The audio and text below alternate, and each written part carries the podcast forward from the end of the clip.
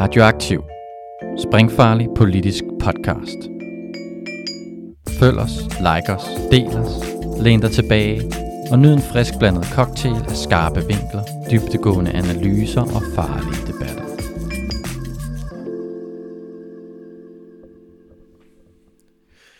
Velkommen til Svenske Tilstanden, Radioaktivs øh, podcast fra det svenske valg, øh, nu med tredje episode. Og vi sidder her en øh, søndag øh, formiddag, Og det regner udenfor. og det regner udenfor. Det, Men så kan man heldigvis hygge sig med to interviews med nogle af de forskellige partier. yes. Vi har jo prøvet at, at finde nogle interviews med nogle partier, og det er sådan blevet lidt blandet. Øh, men vi har et interview med øh, en øh, regionsrådskandidat fra Miljøpartiet, og så har vi et øh, interview med øh, en, et øh, rigsdagsmedlem fra øh, Centerpartiet, øh, som vi også øh, synes faktisk kan være meget spændende, selvom de ikke ligefrem er et venstrefløjsparti. Og til jer, der undrer jer, så lykkedes det stadigvæk at få, ikke at få fat på Venstrepartiet. De er åbenbart stadigvæk gået hjem, så det må I undvære i den her omgang. Ja, det går nok alt sammen. Øhm, men vi, øh, vores første interview er øh, med øh, Miljøpartiet, og det er med øh, Kami, som er regionsrådsmedlem øh, for, øh, hvad hedder det nu, for øh, Miljøpartiet her i øh, Skåne. Og øh, jeg ved ikke, om det hedder Skåne Len, øh, eller region, eller hvad det gør. Men det er jo fordi, at udover at der er rigsdagsvalg i dag, så er der også valg til regioner og kommuner. Og øh, det, det, det sådan er det normalt ikke i Danmark. Der plejer vi jo altid at have det forskudt. Øh, men fordi man har faste valgperioder i Sverige, så betyder det, at øh, man har det liggende sammen, så man har et stort valg med det hele. Mm. Og udover at vi kan fortælle, at uh, Kami, som vi snakkede med, han så uh, fantastisk ud, Mm. og lignede sådan, uh, hvis I forestiller jer, hvordan en... Uh, Der var sådan et, øh, der var sådan et Pedersen og Findus over ham. Ja, det var det faktisk. Sådan, hvis I forestiller jer, hvordan en, der stiller op for Miljøpartiet, ser ud, så er det sådan cirka sådan. Han havde øh, stråhat og briller, og ellers pæn jakke og pæn sko. og et, et, et, et pænt øh, godt skæg. Men øh, han, var, øh, han så i hvert fald øh, herlig ud. Øh, nå, men øh, det interview øh, synes vi, at øh, I skal have lov at høre. Øh, vi kommer omkring nogle forskellige ting øh, med, øh, med Gami, øh, både omkring det her med kommunalvalg og så videre, øh, og hvordan det fylder. Øh, og Kami har det lidt hårdt, fordi som man kender det fra regionsrådspolitikere, så er det lidt svært at få opmærksomhed, og når der så også er både kommunalvalg og rigsdagsvalg at konkurrere med, så er det svært. Så får vi snakket lidt omkring øh, Miljøpartiets øh, tid i regeringen, fordi de har siddet i regering øh, sammen med Socialdemokraterne, men gik så ud af regeringen her i efteråret. Ja, her synes vi så, det er særlig interessant, at øh, i modsætning til, hvordan det tit er herhjemme, når det sker, at, at et parti forlader regeringen, så beskrev han det egentlig som sådan temmelig udramatisk. Ja. At det var bare sådan noget, man lidt havde kigget hinanden i øjnene, og så havde man sagt, ej ved I hvad venner, det her, det synes vi skulle egentlig ikke går længere. Ja, der var, der var ikke en stor ballade omkring det. Øh, og så snakker vi selvfølgelig også lige lidt omkring, øh, omkring hele NATO-beslutningen, øh, og, og hvor de står i det. Prøver at snakke lidt omkring noget energikrise, øh, sådan noget, hvordan at, øh, det er for, for Miljøpartiet. Øhm, og så prøver vi selvfølgelig også lige at vende lidt, øh, hvad Miljøpartiet egentlig er for en størrelse. Og der, der vi snakker i hvert fald, at det er lidt sjovt at se, hvor, hvor, meget, at, øh, hvor meget modsat, at øh, hans sådan øh, analyse og historieforståelse er i forhold til øh, vores øh, kære øh, kammerat fra øh, Kommunistpartiet, som vi snakkede med i går, som havde en, øh, en, lidt meget sådan øh, historisk, materialistisk historieforståelse. Og der kan man så se, at det kan også gå for meget den anden vej, fordi at øh, der, der sidder Kami jo og er meget sådan, "Jamen, vi er ikke rigtig hverken højre eller venstre, selvom man nok kan sige, jo, det er I ret meget. den her sjove sætning med, ja, alle placerer os jo nok til venstre, men, men vi er ikke rigtig så glade for at placere os selv på en højre-venstre skala. Ja, ja det, det er lidt sjovt. Men øh, sådan er det med de der grønne partier. De kan ikke helt rigtig finde ud af det der med at placere sig ideologisk, fordi de grundlæggende er lidt imod det der med modsætninger. Det kan de ikke helt finde ud af. Men jeg synes, I skal lytte til interviewet, og så kan I jo selv finde ud af, hvad I øh, synes. Vi sidder her sammen med, øh, med øh, Kami fra, øh, fra Miljøpartiet, som er regionsrådsmedlem øh, for Miljøpartiet. Øh, Kami, kan du prøve at fortælle øh, lidt omkring, hvad er Miljøpartiet egentlig for, for et parti? Hvor, hvor kommer det fra? Øh, og hvor kan man sådan placere det politisk? Øh, vi har jo ikke rigtig noget miljøparti i Danmark. Ja, nej, jag har förstått att ni har flera olika partier i Danmark som kanske skulle falla in under Miljöpartiet i Sverige. Eh, men man kan säga att vi är ju ett av de yngsta partierna i Sverige, eller vi är det yngsta partiet. Eh, vi har ju en ideologi som utgår från, eh, kan man säga, fredsbevarelsen, eh, internationell solidaritet och naturligtvis klimat och miljö. Eh, så det är vår ideologiska grund handlar ju väldigt mycket om solidaritet med eh, alla människor på, på jorden, solidaritet också med kommande generationer och solidaritet med naturen naturligtvis. Men ligesom øh, Miljøpartiet i, altså måske de, de grønne i, i Tyskland, så er I ikke i, i en, sådan en socialistisk venstrefløjs tradition. Ja, en, en frihetlig eh, framförallt eh, tradition. Vi brukar försöka undvika höger vänsterskalan men många placerar oss till vänster, eh, aningen till vänster om vänster, eh, Socialdemokratiet till exempel. Ja. Og I har også parlamentarisk arbejder jo også meget sammen med, øh, med venstrefløjen, med Socialdemokratiet og med Venstrepartiet. Øhm, og I har jo siddet i regering øh, med Socialdemokraterne siden hvornår? Ja, vi satt uh, under förra mandatperioden och denna mandatperioden uh, fram till uh, i höstas när vi lämnade regeringen på grund av att det har varit ganska mycket kaos i den svenska politiken. och det innebar att regeringens budgeten förlorade och man var tvungen att sitta och styra med en högerbudget. så, så det tyckte inte vi var så, så trevligt och då valde vi att kliva av helt enkelt. Så, så det, du siger, er, at så det, der er sket, det er, at I har siddet i regeringen med Socialdemokraterne, og så på grund af den her, mm, for os lidt, lidt sværere at forstå situationen i Sverige, hvor man har en socialdemokratisk regering, men egentlig har et, et borgerligt, et, øh, et højere flertal i rigsdagen, så vedtager højrefløjen så et budget, en finanslov, som vi vil sige, og kan ligesom regere landet udenom regeringen. Alltså det som har hänt är ju att det har funnits en, en, en avtal med, mellan eh, regeringspartierna, Miljöpartiet och Socialdemokraterna och eh, eh, Centerpartiet och Liberalerna och sen med stödet av Vänsterpartiet dessutom och på det sättet har det gått att ha en majoritet. Men i slutet av perioden här så började ju Liberalerna att överge det avtalet och ville inte längre ställa sig bakom det och valde istället att, att eh, stö, eh, släppa det stödet. Så därför vann högerbudgeten på slutet här och eh, Ja, så det, det, därför har det varit ganska stökigt kan man säga. Men, men det bottnar ju naturligtvis i att uh, det behövs en väldigt bred allians idag för att, uh, för att styra på vänstersidan. Hvordan har det været i partiet? Øh, altså har det været noget, der har været enighed om, at man skulle forlade regeringen, eller har det givet anledning til, splid og uenighed? Øh, det kan jo tit være sådan et spørgsmål, som partier kan være uenige med sig selv om, hvorvidt man skal sidde i regeringen. Nej, jag tror faktiskt att det finns en ganska stor enighet eh, och kanske att eh, många hade tyckt att vi skulle ha lämnat ännu tidigare egentligen för att det har varit eh, ett antal svåra kompromisser.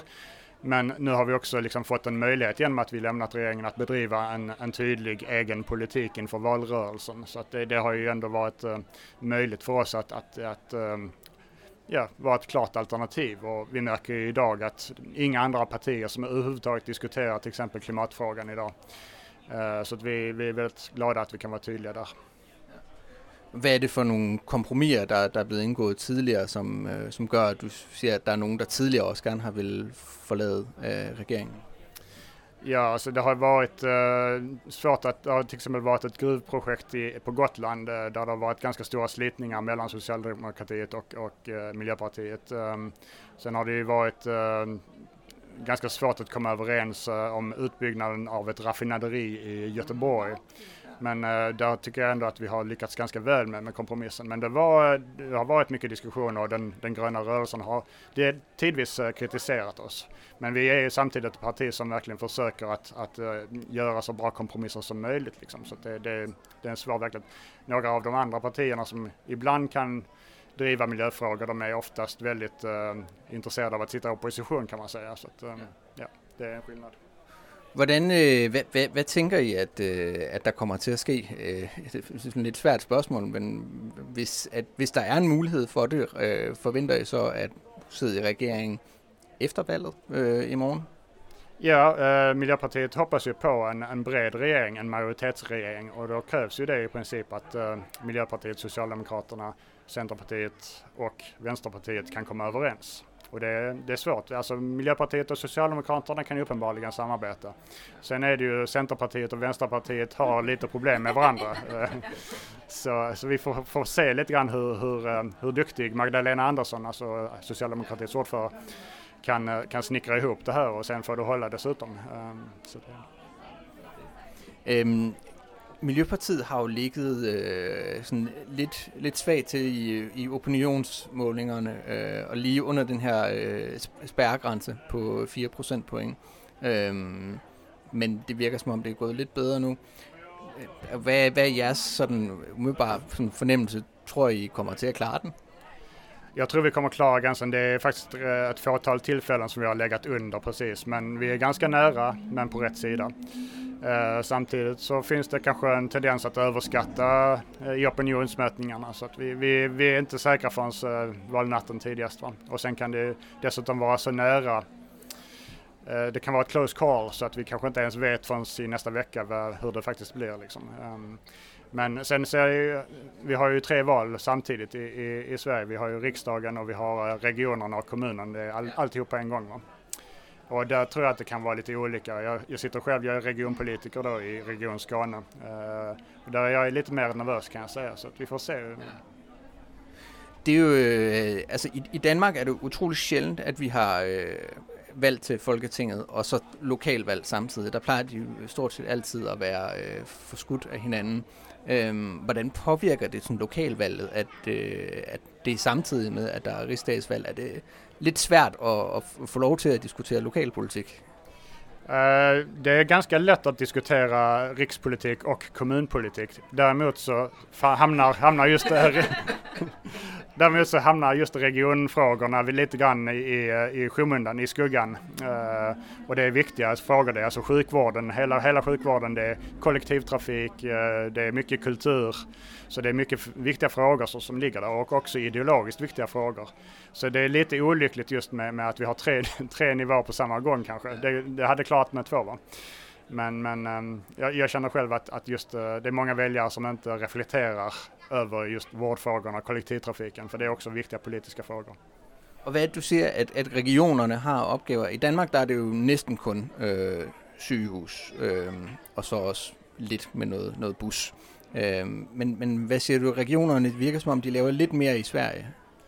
Ja, det, det, får man säga. Det finns en ganska tydlig uppdelning i tre delar liksom och eh, om man tittar budgetmässigt så är det nog proportionellt på det sättet. Um, så, så ja, regionerna är viktiga men, men samtidigt så har vi kanske också en situation där regionerna kanske har lite fel storlek eh, och det har varit en diskussion om att slå ihop regioner så att det blir lite större. Um, vi har 20 stycken i Sverige, eh, det är lite för många. Det är som, som era, era kommuner har jag förstått, ni har lite för många kommuner i Danmark. Eh, det behövs kanske en reform på, på, på detta. Jeg tror, vi, vi har vist fået, eh, alltså, altså vi havde en, en stor kommunalreform for ja, eh, det 15 år siden, hvor vi gik fra 300 til 100 kommuner cirka. Øhm, så der er i hvert fald blevet slået sammen der. I Danmark, der tror jeg mere også, at man snakker om, hvorvidt man skal nedlægge regionerne. Øhm, hele, altså noget, som fylder rigtig meget i, i Sverige, øh, også øh, og generelt i, i global øh, politik lige nu, det er jo den energikrise, der er oven på, øh, oven på krigen i øh, Ukraine. Og øh, jeg tænker, det, det er jo lidt, øh, en, en, en meget spændende diskussion for et miljøparti, fordi på den ene side, så er det jo en mulighed for måske at snakke noget om noget grøn omstilling. På den anden side, så med den mangel, der er på energi, så kan det jo også hurtigt blive nemt at sige, at nu skal vi genstarte atomkraft for eksempel, og øh, kulkraft og hvad det ellers måtte være. Så det er jo på en måde også en udfordring. Hvordan ser du den situation? Altså, ender, tror I, at man ender på med at vinde eller tabe på, på den diskussion i forhold til grønne? Ja, øh, det är den, kanske den absolut mest diskuterade frågan här just nu det är ju naturligtvis eh, elpriserna eh, och eh, många av de andra partierna vill ju jättegärna diskutera det utifrån att det till exempel är Miljöpartiets fel att det ser ut som det gör. Det är ju väldigt tydlig skillnad på Sverige och alla andra länder i hela Europa där man i, i övriga Europa är ganska tydlig med att det här är Rysslands fel. och det, det, är ju också det som är sanningen. Va? Men i Sverige så har det ju blivit en, ett slagträ i den partipolitiska debatten eftersom vi är mitt i en valrörelse. Och då letar man efter en syndabock och då tycker man att ja, men det är Miljöpartiets fel att vi har lagt ner Barsebäck till exempel eller eh, de andra, eh, några andra kärn, kärnkraftverk, vilket gjordes direkt efter Fukushima-olyckan som ett resultat av att det var väldigt dyrt att rusta upp säkerheten på svenska kärnanläggningar. Men, men någonstans så, vi har ju naturligtvis, vi är skeptiska. Vi, vi gillar ju inte kärnkraft eftersom vi vet att det är osäkert. Det är också så att äh, bränslet eh, som behövs äh, innebär stora miljöskador när man bryter det i gruvorna. Samt att vi har ingen lösning på slutförvaret. Så det, det finns ju goda skäl till att vara emot. Det, det, som tyvärr blir faktum här det är ju att de goda lösningarna blir ett offer i den här diskussionen. För vi har ju en lång, lång, lång kö av företag som vill bygga vindkraft i Sverige, i svenska havet. Eh, till exempel i hela Östersjön och det är alltså en produktion som, alltså där, där man har anmält intresse som motsvarar hela Sveriges konsumtion utav el. Och detta säger man kan byggas på fem år ungefär. Men vi har då ett antal svenska kommuner som oftast då leds utav eh, moderater, alltså eh, borgerliga eh, eh partier, eh, där man har gjort detta till en stridsfråga, att man säger nej, man vägrar eh, släppa igenom det. Så man har ett kommunalt veto idag. Eh, och det innebär ju att eh, om det här då också blir verklighet efter valet så, så står ju Sverige inför en, en mycket svår situation där vi varken kan bygga ut energi på kort sikt i havet eller eh, kan få kärnkraft eftersom kärnkraft tar 10, 15, 20 år att bygga. Och vi har ju en energisituation som är kritisk nu i vinter, men framförallt så har vi en klimatsituation som är kritisk de närmaste tio åren. Nu, øh, jeg blev lige nysgerrig. Øh, Ukraine og, øh, og alt sådan noget. Øh, Sverige har nu meldt sig ind i NATO. Øh, hvor, hvor står Miljøpartiet egentlig i, i det? Miljöpartiet är ju, har ju alltid varit motståndare till NATO, eh, för vi ser ju att det är mycket viktigare att, att bedriva diplomati och freds, fred och utveckling genom bistånd till exempel. Så vi har ju haft ansvar till exempel i regeringen för internationell biståndspolitik och drivit det mycket framgångsrikt. Vi har ökat budgeten, vi har också ställt, ställt om eh, inriktningen som att arbeta med eh, uppbyggnad av demokrati i eh, de länder där vi Øh, eh, stöd, där man får stöd. Också øh, kvinnohälsa och utbildning och så vidare. Så det har varit ett väldigt konstruktivt arbete. Så det visar ju mycket, mycket mer positivt på att man faktiskt har eh, en alliansfrihet och därigenom också eh, ett förtroende bland olika ledare i världen att vi är opartiska och vi kan vara, vi kan vara en medlande roll eh, i konflikter. Vi kan ju också konstatera att Sverige har ju haft ett besvärligt förhållande till Ryssland sedan många hundra år, kanske tusen år. Uh, um, och vi har ju klart oss utan NATO kan man säga. Samtidigt som vi ser att NATO eh, också uh, är ganska duktiga på att ställa till med problem runt om i världen. Alltså det, det, det är en ytterligare nackdel. Men vi konstaterar ju också att vi är i princip det enda partiet som är emot uh, NATO. Och lite grann så har vi koncentrerat oss nu på att försöka att uh, ställa krav på vårt medlemskap i NATO uh, så att det blir ett så bra medlemskap som möjligt så att säga. Uh, och det är typiskt för vår konstruktiva inriktning i politiken att vi sätter oss inte på avbytarbänken och, och med armarna i kors utan vi, vi utgår från den situationen som finns. Och då säger vi bland annat att vi vill helst inte ha kärnvapen på svensk mark precis som i Danmark. Va? Eh, för att då vet vi att eh, då kommer ju också Rysslands eh, kärnvapen att riktas emot oss. Så det är ju ett exempel, men samtidigt så vill vi naturligtvis också ställa krav på vilket samarbete vi kan ha med, parti, med, med länder där man inte har en jättebra demokratisyn som till exempel Turkiet. Då. Okay. Jamen, øh, tak for det. Øh, I må have held og lykke i morgen. tak for det. Ja.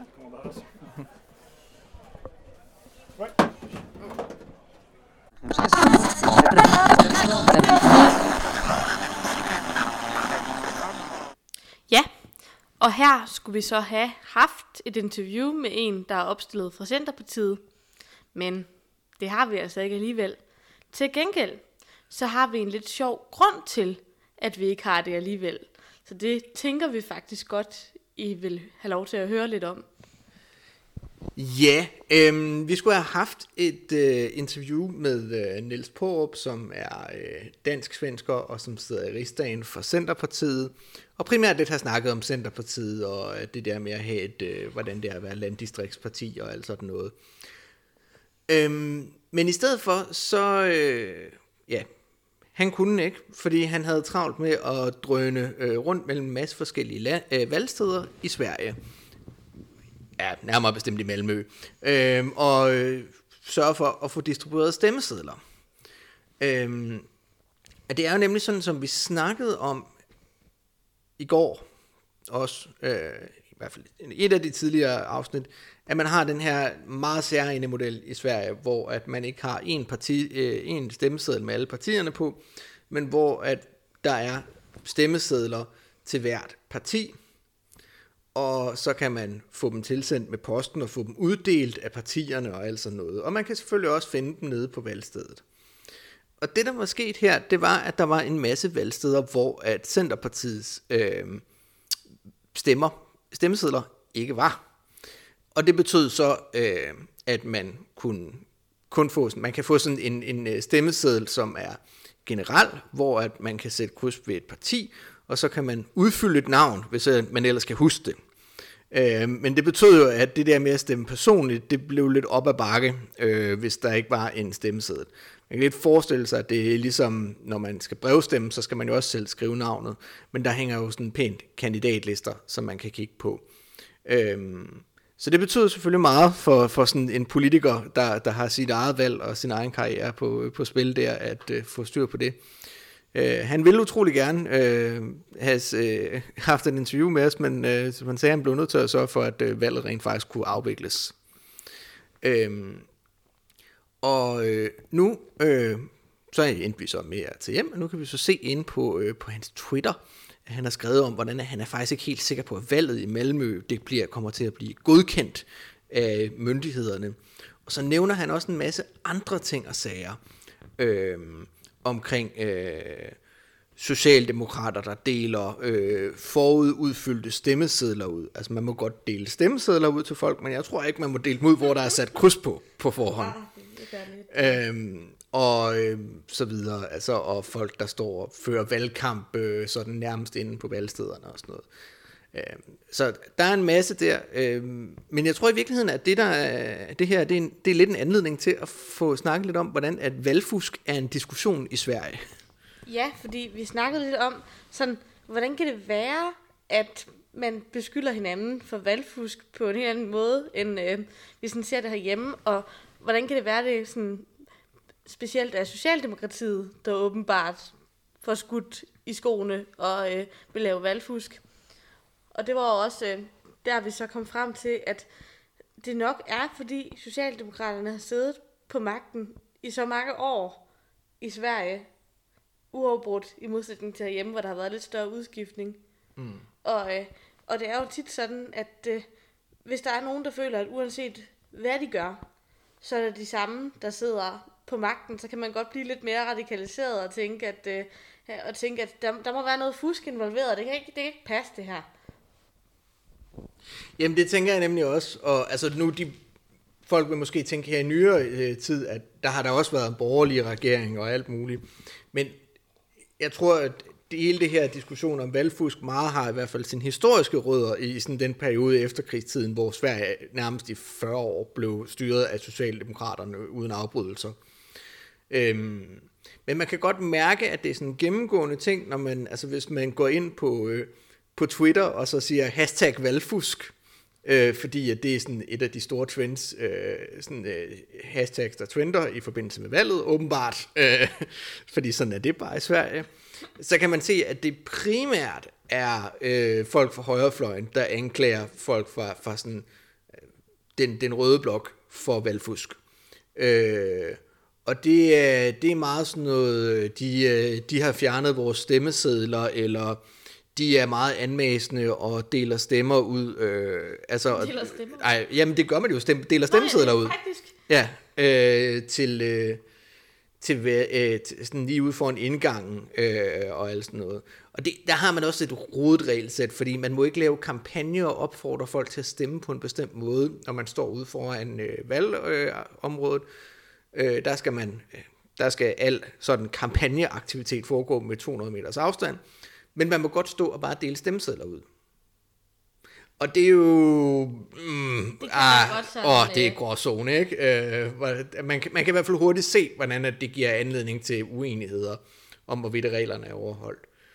Og jeg tror også hurtigt, vi kan blive enige om, at hele det her system med de her mærkelige ting med, at man har udleveret, altså at alle partierne selv har forskellige stemmesedler, og at de har ansvaret for at sørge for det og alt sådan noget, det giver, altså det gør det nemt, at der kan opstå konflikter omkring sådan selve afviklingen af valget. Altså man kan hurtigt komme i tanker om måder, hvor man kunne være lidt kreativ med det her, uden at skulle tænke sig så meget om.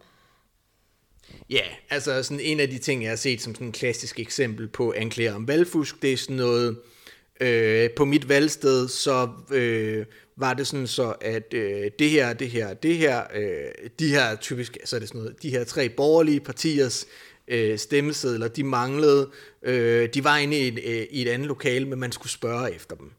Øh, sådan den slags ting, altså. Mm. Øh, og det er jo også sådan en, hvor der, sådan, der kan være en blanding af inkompetence og, øh, og, øh, og alt muligt andet på spil. Men jeg synes bare, man skal have med, at, øh, at konfliktniveauet sådan rent politisk der også er et andet sted, end det er i Danmark. Altså, jeg har svært ved at se for mig en situation i Danmark, hvor at når der er valg, så lige så vel som at øh, hashtag dekopol og, øh, og øh, sådan noget, det øh, trender, så er det også hashtag valgfusk. Og jeg har også svært ved at se for mig, altså vi snakker, ham der øh, centerpartisten der, han er jo siddende medlem af rigsdagen. Jeg er svært ved at se en situ- forestille mig en situation, hvor at, øh, hvor at et, øh, et folketingsmedlem skriver sådan i løbet af valgdagen, at øh, han er altså ikke sikker på, at han mener, at, øh, at valget i en af landets største byer kan, kan blive godkendt. Altså det svarer jo til, hvis, øh, det jeg ikke, øh, det ved jeg ikke, hvis sådan en, øh, Lars Christian Lilleholdt øh, skrev, at han mente ikke, at øh, han var altså ikke sikker på, at valget i, øh, i Odense kunne, øh, kunne godkendes. Altså, det ville jo være fuldstændig Ja, vanvittigt for os at forestille os, men det sker altså bare lige over på den anden side af sundet. Og det tror jeg måske er, er bare vigtigt at tage med, at, øh, at det er en anden situation derovre. Men jeg synes også, det er interessant, det her med, hvor meget er det, der egentlig skyldes deres lidt sjove valgsystem med de der stemmesedler, fordi mm. han, øh, noget af det, han sagde, ham fra Centerpartiet, dengang han troede, at han stadigvæk kunne overholde vores aftale, var, Ja. at han rigtig gerne ville snakke om det svenske valgsystem, fordi han synes, at det var, Ja. var, var helt noget råd. Mm. Så jeg tror heller ikke, man skal undervurdere, hvor meget, hvor konfliktskabende det egentlig kan være, at man har et system, der er noget mere usikkert, er måske så store ord at bruge, men, men øh, som i hvert fald er lidt mere rodet måske, vil vi synes. Ja, det gør det i hvert fald meget nemt at komme op og, øh, komme op og skændes og komme op og toppes om det. Øh, Altså det tænker jeg, at, øh, at sådan, der er nok mange, der lytter med her, der selv har været politisk aktiv en gang, eller stadigvæk er det, at det kender vi det godt, hvis man har en afstemningsproces, som er en, der ofte bliver diskuteret, så kan det jo næsten hurtigt gå hen og blive halvdelen af diskussionen. Mm. Helt klart. Øhm, men jeg tænkte bare, at øh, vi lige kunne få det her med som en øh, sidste note, og øh, så øh, vil vi ellers bare glæde os til, at øh, der rent faktisk kommer en afslutning på det her valg. Nu må vi se, hvor lang tid det tager for dem at, øh, at blive, øh, finde ud af, hvad der så rent faktisk skal ske, og det kan jo også hurtigt gå hen og blive meget, meget tæt. Og så øh, bliver det altid sjovt at se, om, øh, om øh, valget i Malmø bliver godkendt. øh, jeg, jeg, jeg har lidt svært ved at vurdere, sådan, hvor, hvor realistisk altså, det er, når han siger, at han ikke er sikker på, at det bliver godkendt. Altså nu skal vi jo også huske, at, vi, at, det, at den vi snakkede med var en mand, der var rigtig stresset. Ja, Vi har nok ikke lige fanget ham på hans bedste dag. nej, det har vi ikke. Men øh, med de ord, så vil vi sige øh, sige uh, tak for, uh, for denne gang, og bare uh, ønske god valgaften til uh, alle uh, eventuelle lyttere. Og ja, selvom I først skulle finde det her efter valget, så er det nok stadig sådan meget sjovt at høre lidt om, at uh, valgfusk åbenbart er en diskussion i Sverige.